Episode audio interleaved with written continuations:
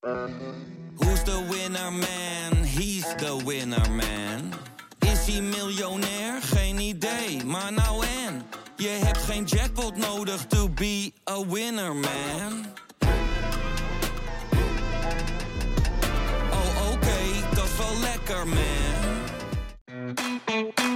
Hey VIZSM-luisteraar. Wil jij genieten van de beste VI Pro-artikelen, video's en podcasts? En wil jij nog meer inzichten krijgen rond al het voetbalnieuws? Word dan nu lid van VI Pro. Voor exclusieve podcasts, tactische analyses, interviews met spelers en financiële inzichten. Ga nu naar vi.nl slash zsmpro voor de scherpste aanbieding.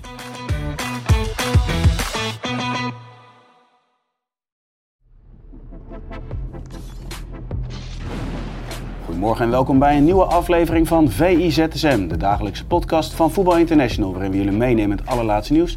Mijn naam is Jarno Verwij en zoals vaker zit ik aan tafel met hoofdredacteur Pieter Zwart. Goedemorgen. Goedemorgen. Uh, Feyenoord Groningen, jij hebt uiteraard de hele wedstrijd bekeken. Uh, maar ja, laten we eigenlijk gelijk beginnen met het meest gelezen item op vi.nl, want uh, het was een wedstrijd tussen Feyenoord en Groningen, maar ondertussen ook wel belangrijk voor Ajax. Ja, dat, dat vinden mensen leuk hè. Daar hadden we een berichtje over gemaakt dat uh, Ajax eigenlijk moest hopen op een bekerzege van Feyenoord. Ja. En dat heeft natuurlijk alles te maken met die verdeling van de Europese tickets. Nou, het komt erop neer, als jij de beker wint, dan krijg je een direct ticket voor de hoofdfase van de Europa League. Want Ja. dat, ik weet niet of alle mensen dat heel erg eh, helder op een netvlies hebben, maar de Europese toernooien zoals we die kennen, die verdwijnen per komend seizoen. En het wordt gewoon ja, één grote hoofdfase waarin je volgens mij acht wedstrijden speelt. En dan wordt er een groepstand opgemaakt. En dan moet je tussen positie X en positie Y eindigen om naar een tussenronde te gaan. En als je dan nog iets hoger gaat, dan ga je direct naar de knock-out fase. En anders Ja. lig je eh, eruit.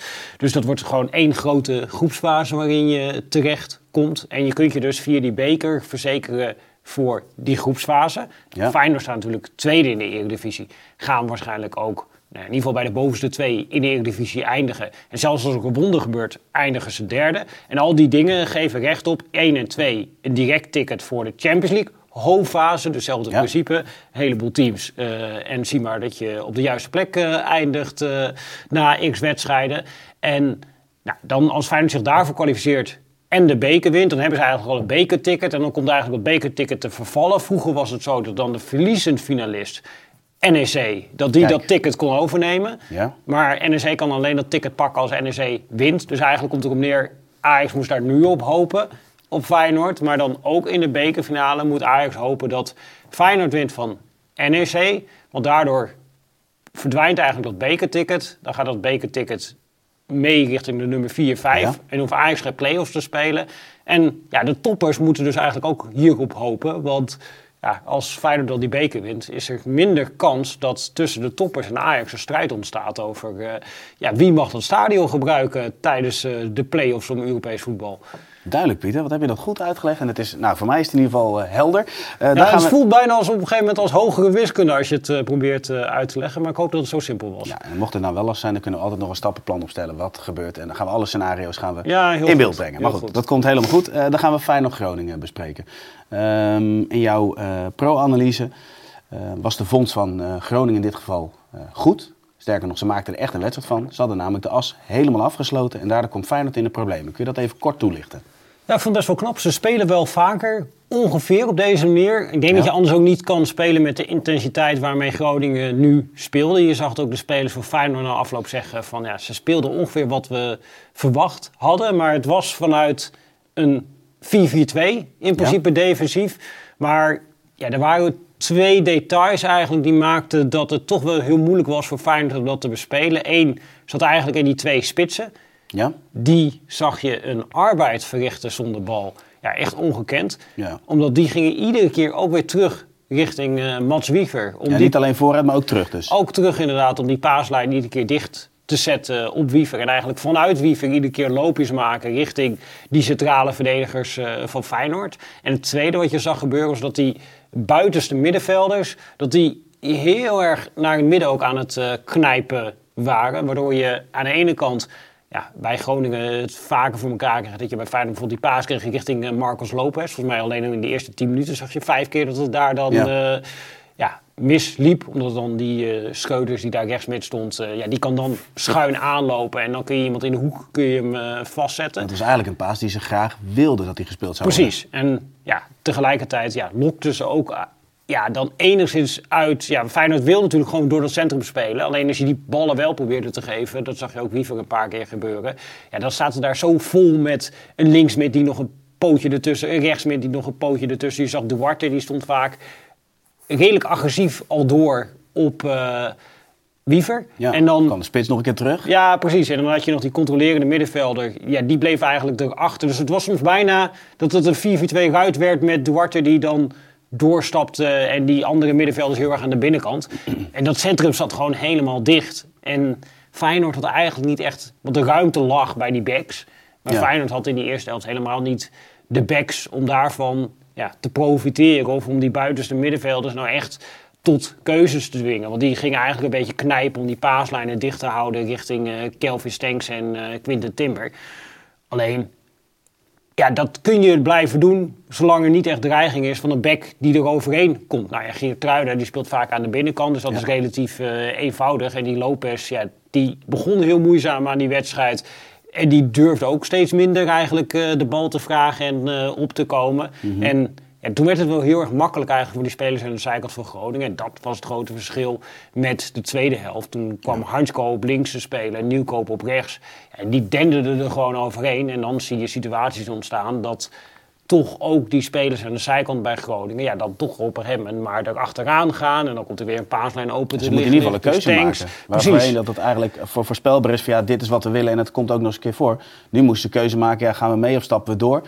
En dat is eigenlijk ook wat je wilt, toch? Dat klopt. En dan moet je soms ook eh, ja, die meters moet je dan eh, gaan eh, overbruggen. Nou, dan zie je dat het is een ploeg die gewend is op keukenkampioen-divisie te spelen. Ja, dan ook vermoeidheid gaat een rol spelen. En toen ja, kwam Feyenoord eigenlijk steeds beter in de wedstrijd. Je zag het bij die gelijkmaker denk ik ook heel goed terug. Dus dat aan de ene kant ja, die linker middenvelder door Nieuwkoop... die er weer eens overheen dendert, gebonden wordt.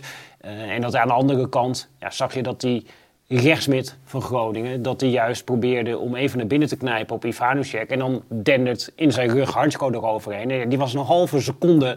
Ja, was hij te laat om die voorzet van Stenks... die ook juist... want ja, Wiever en Timber die bonden eigenlijk die twee centrale middenvelders... waardoor Stenks en die zijkant best wel wat ruimte eh, kon krijgen. Ja. Ja, en dan kies je als scheuders voor... oh, ik knijp net naar binnen op Ivanusek... en dan, ah, ik word in mijn rug verrast door eh Hansko. Ja, en dat soort keuzes die ze in de split second moeten maken... Ja. die waren er een stuk minder eh, in de eerste helft. Dus dat lukte met die bezetting... Ja, waar Arne Slot in de tweede helft voor koos...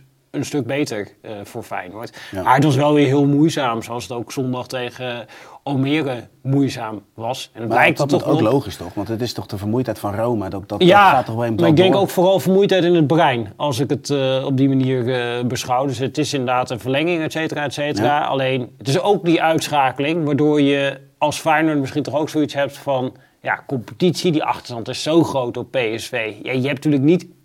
Ik denk niet dat in die selectie echt het gevoel heeft van... die gaan we nog inhalen. Dat ze eigenlijk ook wel weten van... oké, dat gaat heel eh, lastig worden om eh, PSV eh, nog bij te halen. Ja. Ja. en die beker, dat misschien al een beetje het idee is van... ja, oké, thuis tegen Groningen, ja, zullen we wel winnen. En dan hebben we nog die bekerfinale. Ja, dat is dan... Ja, het voelt dan misschien nog een beetje als een troostprijs. Net als die tweede plek dan misschien een troostprijs gevoelsmatig is. Terwijl als je misschien nog vol... Als je die penalty serie had gewonnen... En je had nog gewoon in het ritme gezeten van, ja, dan was er een loting geweest. Had je misschien tegen, weet ik veel, Bayer Leverkusen geloot. En dan, eh, ja, dan blijf je in die molen zitten. Ja, en ja. ik denk dat nu misschien die spelers ook ja, in één keer uit die molen kelden. Je zag hem misschien ook aan slot. Die zag je vechten tegen die griep. En in één keer, ja, dan is die uitschakeling daar. En in één keer zet die griep zich wel door. Dat het toch ook, ja, dat, dat ze hard geraakt zijn in het hoofd. Met name in die wedstrijd tegenkomen. Natuurlijk heeft fysiek ook veel gevraagd. Ja, maar dat maakt het toch wel knap, dat, ondanks dat het moeizaam is, maar dat maakt het wel knap dat je gewoon 2-0 bij Almere wint. En dan kun je Zeker. zeggen, het is Almere, maar Almere is gewoon een lastig te bespelen ploeg. Hele stugge en, en compact defensieve ploeg. Dat klopt, dat klopt. En dat ook nu, ja, ze draaien het wel weer om. En Ja. Hansko maakt wel weer een doelpunt. eh, ja, die heeft toch ook alles moeten spelen. Daar eh, links centraal eh, achterin, eh, die, die mist ongeveer geen minuut dit seizoen. Ja, die dendert er in de tweede helft ook weer als linksback overheen. Dus je ziet wel ja, dat die spelers dat wel doen, dat die spelers dat wel leveren. Maar je moet wel, ja, voor je gevoel moet bij Feyenoord in deze fase echt alles uit de tenen komen. Ja, precies. Ehm, de naam van Stenks viel net al even bij de 1-1. Oh. Ehm, ja, prachtig moment bij de 1-1. Maar dan in het einde gebeurt er, op het einde gebeurt er iets ja, wat echt door merg en been gaat. Ja. Ik moet zeggen, ik kan dat soort beelden... Je ziet het in eerste instantie ehm, ja, vanuit een overzichtcamera. Dan denk je, joh, oké, pijnlijk. Maar als je het dan close... Ja, dat is zo naar om te zien. En ik vond de reactie van Slot na afloop ook wel mooi. Echt Ja. totaal meeleven. Logisch ook. Maar, Ja, maar ook. zeker in zijn situatie. Dat klopt. Ja, die, die vertelde dat heel goed van de ja, persoonlijke situatie van Stenks. Hij kende natuurlijk ook nog de Stenks voor Ja. de eerste grote blessure. En ja, het is een jongen die ja, op dat vlak dat heel erg heeft meegemaakt. Eh Feyenoord heeft hem natuurlijk ook geprobeerd, juist de afgelopen fase, heel erg in bescherming te nemen. Door hem eerder naar de kant te halen. Heeft Slot uit, dan heeft Slot het over eh, de loodsmanager. Eerder naar de kant halen. Soms een keer een wedstrijd op de bank te laten beginnen. Ja. Om maar eigenlijk te voorkomen dat ging gebeuren wat nu gebeurde. En ja, dan mocht hij er toch weer heel lang eh, uit zijn. Ja, hij had zich natuurlijk ook net weer bij een Nederlandse elftal geknokt. eh, al dat soort dingen. Draait gewoon. Ja, een heel goed seizoen is heel belangrijk voor dit Feyenoord. Omdat hij in de eindfase gewoon de meest creatieve speler is. Die af en toe een paas geeft. En die niemand anders geeft. Zoals hij dat nu ook weer deed eh, bij dit eh, Ja, doelpunt. echt een heerlijke voorzet. Ja, geweldige bal. En ja, is gewoon met een ijzersterk seizoen bezig, eh, Kelvin eh Stenks. Eh, alleen, ja, als hij nu weer ernstig geblesseerd raakt, ja, dat werpt die jongen ja, zo enorm terug. En ook de manier waarop het gebeurt. Want het is best een ja, nare tackle uiteindelijk. Ik weet niet eens in hoeverre het bewust is, zeg maar, dat op een gegeven moment... Ja, dat die bal weg is en dat het eigenlijk dat lichaam op dat been van Stenks komt te rusten. Maar je ziet het gebeuren en... je denkt, ai, ja, dat is niet goed helemaal als je de blessuregeschiedenis van Stenks eh, kent. eh, dan eh, vrees je eigenlijk het ergste. Ja, ja, klopt. Ja. Komende zondag overigens, om toch nog even Feyenoord en het dan af te sluiten. Komende zondag wacht, wacht PSV. Ja. Hij gaf aan van de vermoeidheid in het brein. De achterstand op PSV. Het zijn zomaar wat punten die net voorbij kwamen. Hypothetisch. Eh, we, kijken vooruit. Feyenoord wint van PSV. Verwacht je dan dat het wel weer iets gaat doen met het brein? Dat je denkt, ondanks dat die achterstand er nog steeds is, dat er een sprankje van hoop gaat ontstaan? Nou, dat kan natuurlijk wel een enorme boost zijn. Stel dat, eh, dat was natuurlijk ook in die beker, dat je dan wel wint van PSV. Ja. Dat, dat, ja, dat geeft toch zo'n gevoel, denk ik, in die spelersgroep van... hé, hey, ja, we zijn wel echt goed. Eh, en ja, wat dat betreft denk ik voor Feyenoord eh, ja, voor de rest van het seizoen ook wel een belangrijke wedstrijd tegen PSV. PSV lijkt het te moeten gaan doen zonder eh, Joey Veerman. Nou, dat was natuurlijk ook het geval toen Feyenoord Ja. de vorige keer won eh, van eh, PSV. En ja, dat is eigenlijk de moeilijkste speler voor Feyenoord om druk op te krijgen normaal gesproken. Dus als die er niet bij is... Komt ook regelmatig in de bespreking van Arne Slot terug, hè? ja, die, die komt. Die is fan, eh, toch? Die, die is zeker eh, Ja. fan. Die heeft hem destijds ook naar Feyenoord eh, willen halen. Dus ja, die is zeker fan. En het is natuurlijk wel een verschil met destijds dat nu waarschijnlijk Sarbari beschikbaar is als Ja, vervanger. Maar ja, het maakt het wel bijvoorbeeld weer misschien lastiger om dan weer ja, de truc te gaan doen met Jerry Schouten naar de achterhoede. Nou, al dat soort dingen, dat, dat speelt denk ik eh, wel mee met ja, de kansen van Feyenoord. En ik denk eigenlijk als je al die wedstrijden gaat bekijken tussen Feyenoord en PSV... Ik, ik heb ze natuurlijk allemaal gezien en ik heb veel van die wedstrijden ook daarna nog wel een keertje teruggezien. Het zit best wel dicht bij elkaar. Ja. Eh, en het wordt natuurlijk ook wel heel erg beslist op momenten. Een ja, corner, weet je wel, die dan eh, in één keer binnenvalt in die eerste wedstrijd in de Kuip. Die eerste wedstrijd in de Johan Cruijffschaal, die werd natuurlijk een beetje ja, beslist juist in die eindfase toen bij Feyenoord. Ja, die waren eigenlijk minder ver conditioneel op dat moment dan dat eh, PSV was. Eh, ja, die selectie was ook, eh, ja, die samenstelling waren ze pas iets later misschien mee begonnen dan bij PSV, waar het sneller rond was.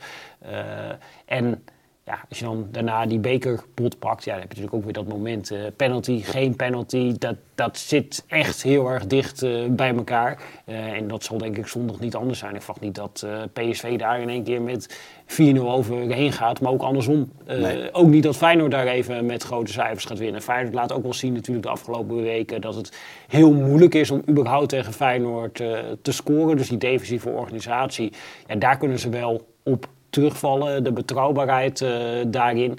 Dus ja, dat, dat gaat gewoon een duel worden wat heel dicht bij elkaar zit. En dat kan gewoon beslist worden door... Kijk, je kunt er tactisch enorm over praten. Die trainers zullen er ook tactisch enorm mee bezig zijn. Maar Jij ook. ik ga er ook enorm mee bezig zijn. Eh, alleen die wedstrijd gaat uiteindelijk gewoon beslist worden op een individuele actie, een spelhervatting, een enorme fout die iemand maakt, iemand die per ongeluk een rode kaart fitheid en eh, frisheid. pakt. Fitheid, frisheid kunnen natuurlijk ook eh, impact zijn. Wat dat betreft, eh, ik weet niet hoe dat precies het schema gemaakt was, maar misschien een beetje raar dat die wedstrijd die op woensdag werd gespeeld. Zeker met de topper op zondag. Je weet dat eigenlijk donderdag, zondag te kort is om te herstellen. Ja, op woensdag was er nu geen wedstrijd en dan wel op dinsdag. Dus het had volgens mij prima gekund woensdag, zondag. En dan had Feyenoord, eh, ja, fysiek waren ze beter geprepareerd geweest eh, tegen PSV. Eh, en dat, dat soort, ja, dat zie je met name in het laatste half uur terug. Dus als Feyenoord bijvoorbeeld in de laatste half uur nog resultaat zou moeten halen tegen PSV, ja, dan kan dat wel eens heel erg lastig worden. Dus Feyenoord moet denk ik in die wedstrijd misschien dan proberen in het eerste uur zaken te doen tegen PSV. Maar dat is natuurlijk makkelijker gezegd dan gedaan. Absoluut. Het, eh, het, het- ja, ik verwacht in ieder geval een hele boeiende wedstrijd. En ik kijk nu al uit naar de analyse op VPRO. Want uiteraard, na de wedstrijd, direct na de wedstrijd, is er een analyse op VPRO. Overigens, als we dan toch gaan analyseren, vandaag op het YouTube-kanaal ook een analyse over Mats Wiever. Daarover later meer. Eh, vandaag de, ook de voorselectie van Oranje. Hij zat even niet op mijn, op mijn netvlies. Ik werd een beetje verrast vanochtend. Oh ja, dat klopt. Het komt er binnenkort weer aan. Ehm Joshua Zirkzee, zit hij erbij? Ja of nee, denk jij? Ja, ik dat- hoop het. Nou, dat is natuurlijk het leuke van zo'n voorselectie. Je kunt er wel wat namen op zetten. Dus, eh, Maar dat is wel de naam die bij mij opborrelt. Welke naam borrelt bij jou op? Ja, ook wel Cirkzee. Dat dit wel het moment is waarop je verwacht dat iemand als Cirkzee er dan toch een keertje bij gaat komen om ja, te laten zien. En Koeman heeft dat natuurlijk ook wel in de media aangegeven van oké, we houden jou in de gaten voor een Nederlands elftal. De keeperspositie, daar zou nog kunnen Ja. dat, eh, nou weet ik veel, Jasper Sillis of zo misschien toch weer eh, in beeld eh, gaat komen. Dus dat, maar dat is dan meer denk ik voor de derde doelman, omdat je hebt natuurlijk Verbrugge en Vlekken, die kun je wel redelijk invullen. Ja. Maar bijvoorbeeld ook Bissot, die heeft deze week bij ons aangegeven van dat Lodewijk hem gebeld heeft, dat hij op de radar staat. Nou, het zou ook best kunnen dat, die presteert natuurlijk heel goed in Frankrijk, dat hij in één keer weer bij die selectie zit. Mooi interview trouwens. Ja, Lees het zeker. op VPRO. Ja, en ja, die, dit is een beetje onder de radar natuurlijk in Nederland. Als je daar eh, goed presteert. Maar die, die doet het daar eh, fantastisch eh, in die competitie. Dus dat zou helemaal niet raar zijn als hij bijvoorbeeld in één keer weer erbij zou kunnen komen. Ja. Ja, en verder ja, weet ik het, verwacht ik niet heel veel hele grote verrassingen. Nee. Ook omdat het aantal blessures en zo, dat lijkt redelijk mee te vallen. En dat is vaak dan ja, reden van, oh ja, er valt iemand weg en we moeten weer iemand anders eh, erbij doen. En die Ja. noodzaak is nu denk ik eh, ja, minder aanwezig. Nou, vandaag op v.nl alles te volgen over de voorselectie van Oranje. Ja. Eh, tot slot, meest gelezen item op VPRO. Want de degradatietijd in Engeland, in Engeland kan wel eens uitmonden in een complete chaos. Pieter, neem ons eens mee. Leg eens uit wat daarmee bedoeld wordt. Ja, dat heeft alles te maken met eh, de Premier League en de regels die zij hebben voor financial fair play. Ja. Eh, en ja, het komt erom neer dat eh, clubs daar niet meer mogen uitgeven dan dat er eigenlijk binnenkomt. Nou ja, Everton heeft dat wel gedaan. Die heeft daar een puntenstraf voor gekregen van 10 punten. Alleen daar is natuurlijk als je zo'n straf krijgt, dan ga je weer tegen in beroep. En dan kan er ook weer een uitspraak volgen. En Nottingham Forest, daarvan is al vastgesteld dat zij overtredingen hebben begaan. Alleen daar Ja. moet eigenlijk de straf nog vastgesteld eh, worden, eh, die daarbij hoort. Dus die kunnen ook in één keer nog een puntenstraf krijgen. Eh, en dat maakt natuurlijk dat jij je hebt die stand onderin.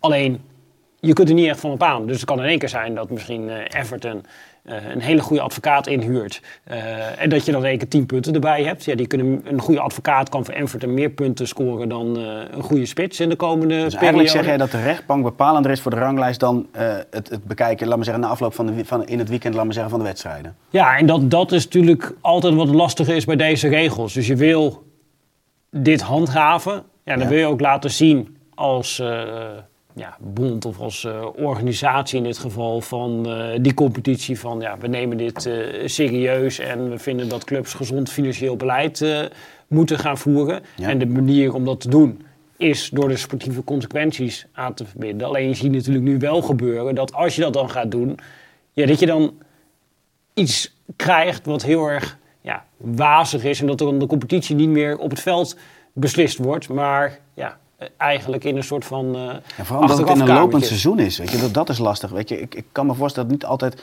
voorafgaand aan het seizoen vast te stellen is. Maar er zijn toch meerdere momenten, al, al zou het maar nou ja, de winterstop zijn. Die hele korte break die er dan is. Weet je, dat je, dat je even op, of op het niveau, als je halverwege hebben ze bent. er ook niet echt in Engeland. Nee, hebben ze daar Nee. niet, maar halverwege dat je dan denkt van ja, weet je, nu is het, ja, je gaat de eindfase een beetje in. En dan weten ze eigenlijk nog helemaal niet waar ze aan toe zijn. Ik vind dat best wel... Nee, maar dat is natuurlijk ook weer het lastige met... Ja, je kunt wel een eerste uitspraak kun je doen. Dus bij Efton was het al redelijk vroeg, die 10 punten. Alleen ja, je kunt dan weer in beroep en dan kun je weer in cassatie. En ja, je hebt natuurlijk gewoon het rechtssysteem waar je je ook toe kan eh, Ja. verhouden. We hebben het natuurlijk toen ook gezien met eh, Manchester City... die op een gegeven moment wel gestraft werden, toen weer niet gestraft eh, werden. Daar hangt ook nog steeds een straf boven het hoofd. Ja, die hebben nog iets duurdere en iets betere advocaten... waardoor ze er misschien wat langer mee wegkomen. Maar ook dat kan me voorstellen dat als jij fan bent van die kleinere club, dus van Everton of Nottingham Forest, dat dat een gevoel van onrechtvaardigheid geeft. Van ja, wij eh, raken nu eh, 10 punten kwijt eh, dit seizoen. Manchester City overtreedt ook de ene na de andere regel, maar die komen er op de een of andere manier wel weer mee weg. En ja, dat maakt dit soort dingen ja, vervelend. En daar, ja, het is heel moeilijk om daar dan echt goed een mouw aan te passen. Want aan de ene kant wil je dus dit gaan handhaven. Alleen zodra je dat gaat doen, ja, kom je ook in een soort eh, juridisch drijfzand eh, Ja. terecht. Maar dan kom je, dat is wel interessant, want het artikel, de degradatietijd, kan een chaos worden. Als ik jou zo op luister, op het moment dat het dus daarin bepalend gaat zijn, dan gaan ze ook verder misschien wel. Want dan gaan ze op een gegeven moment ook kijken, kijken ook naar Manchester City. Dus misschien wordt de titelstrijd ook wel in de rechtbank bepaald. Ja, dat is nog niet bekend eh, wanneer daar nou... maar alles is dus nog mogelijk. Dat, dat- zelfs dat is nog mogelijk, ja. Ja, en dat, dat, maar dat kan ook zijn, zeg maar, bij eh, City had zoveel regels overtreden dat, eh, ja, in ieder geval volgens eh, de, de competitie, dat het zelfs mogelijk zou zijn dat die worden teruggezet naar een derde niveau of zo. Dus dat, dat, dat soort dingen wordt ook over... Ja, maar dit zou een geweldige Netflix-serie zijn. Ik weet niet of je de serie Suits kent. Dat je een soort van, van, van voetbalvariant erop maakt. Ja, dat is natuurlijk ooit ook gebeurd met Juventus, Fiorentina, dat soort clubs in Italië vanwege dan een omkoopschandaal. ja, en, dat, dat maakt, eh, ja, dat is heel, heel raar nu eh, in de Premier League. Eh, en ja, dat, dat is wat ik zeg. Ook een beetje, La Liga heeft dan natuurlijk ook met Barcelona, wat continu dan die regels weer krijgt, dan weer probeert die regels te omzeilen. Eh, het is een hele rare variant die toegevoegd is aan het voetbal, waar, eh, ja, die eigenlijk alleen Tom Knipping eh, begrijpt. Eh, en de gemiddelde supporter, daarvoor is het eh, niet meer eh, te volgen. Ja, dus het, het is allemaal vanuit goede intenties, die regels. Ik begrijp ook dat ze ja, ingevoerd worden, dat je dan ook als je ze invoert, dat je ze wil handhaven. Ja. Alleen, ja, zodra je dat gaat doen, kom je wel in een drijfzand, eh, moerasachtig eh, gebied eh, terecht, wat misschien eh, minder wenselijk is dan eh, de nobele intenties die erachter zitten. Precies, ik hoor hier een nieuwe aflevering van FC Bankzaken. Een prachtig onderwerp. Pieter, jou wil ik bedanken voor je tijd en eh, zoals vaker, tot ZSM. Tot ZSM.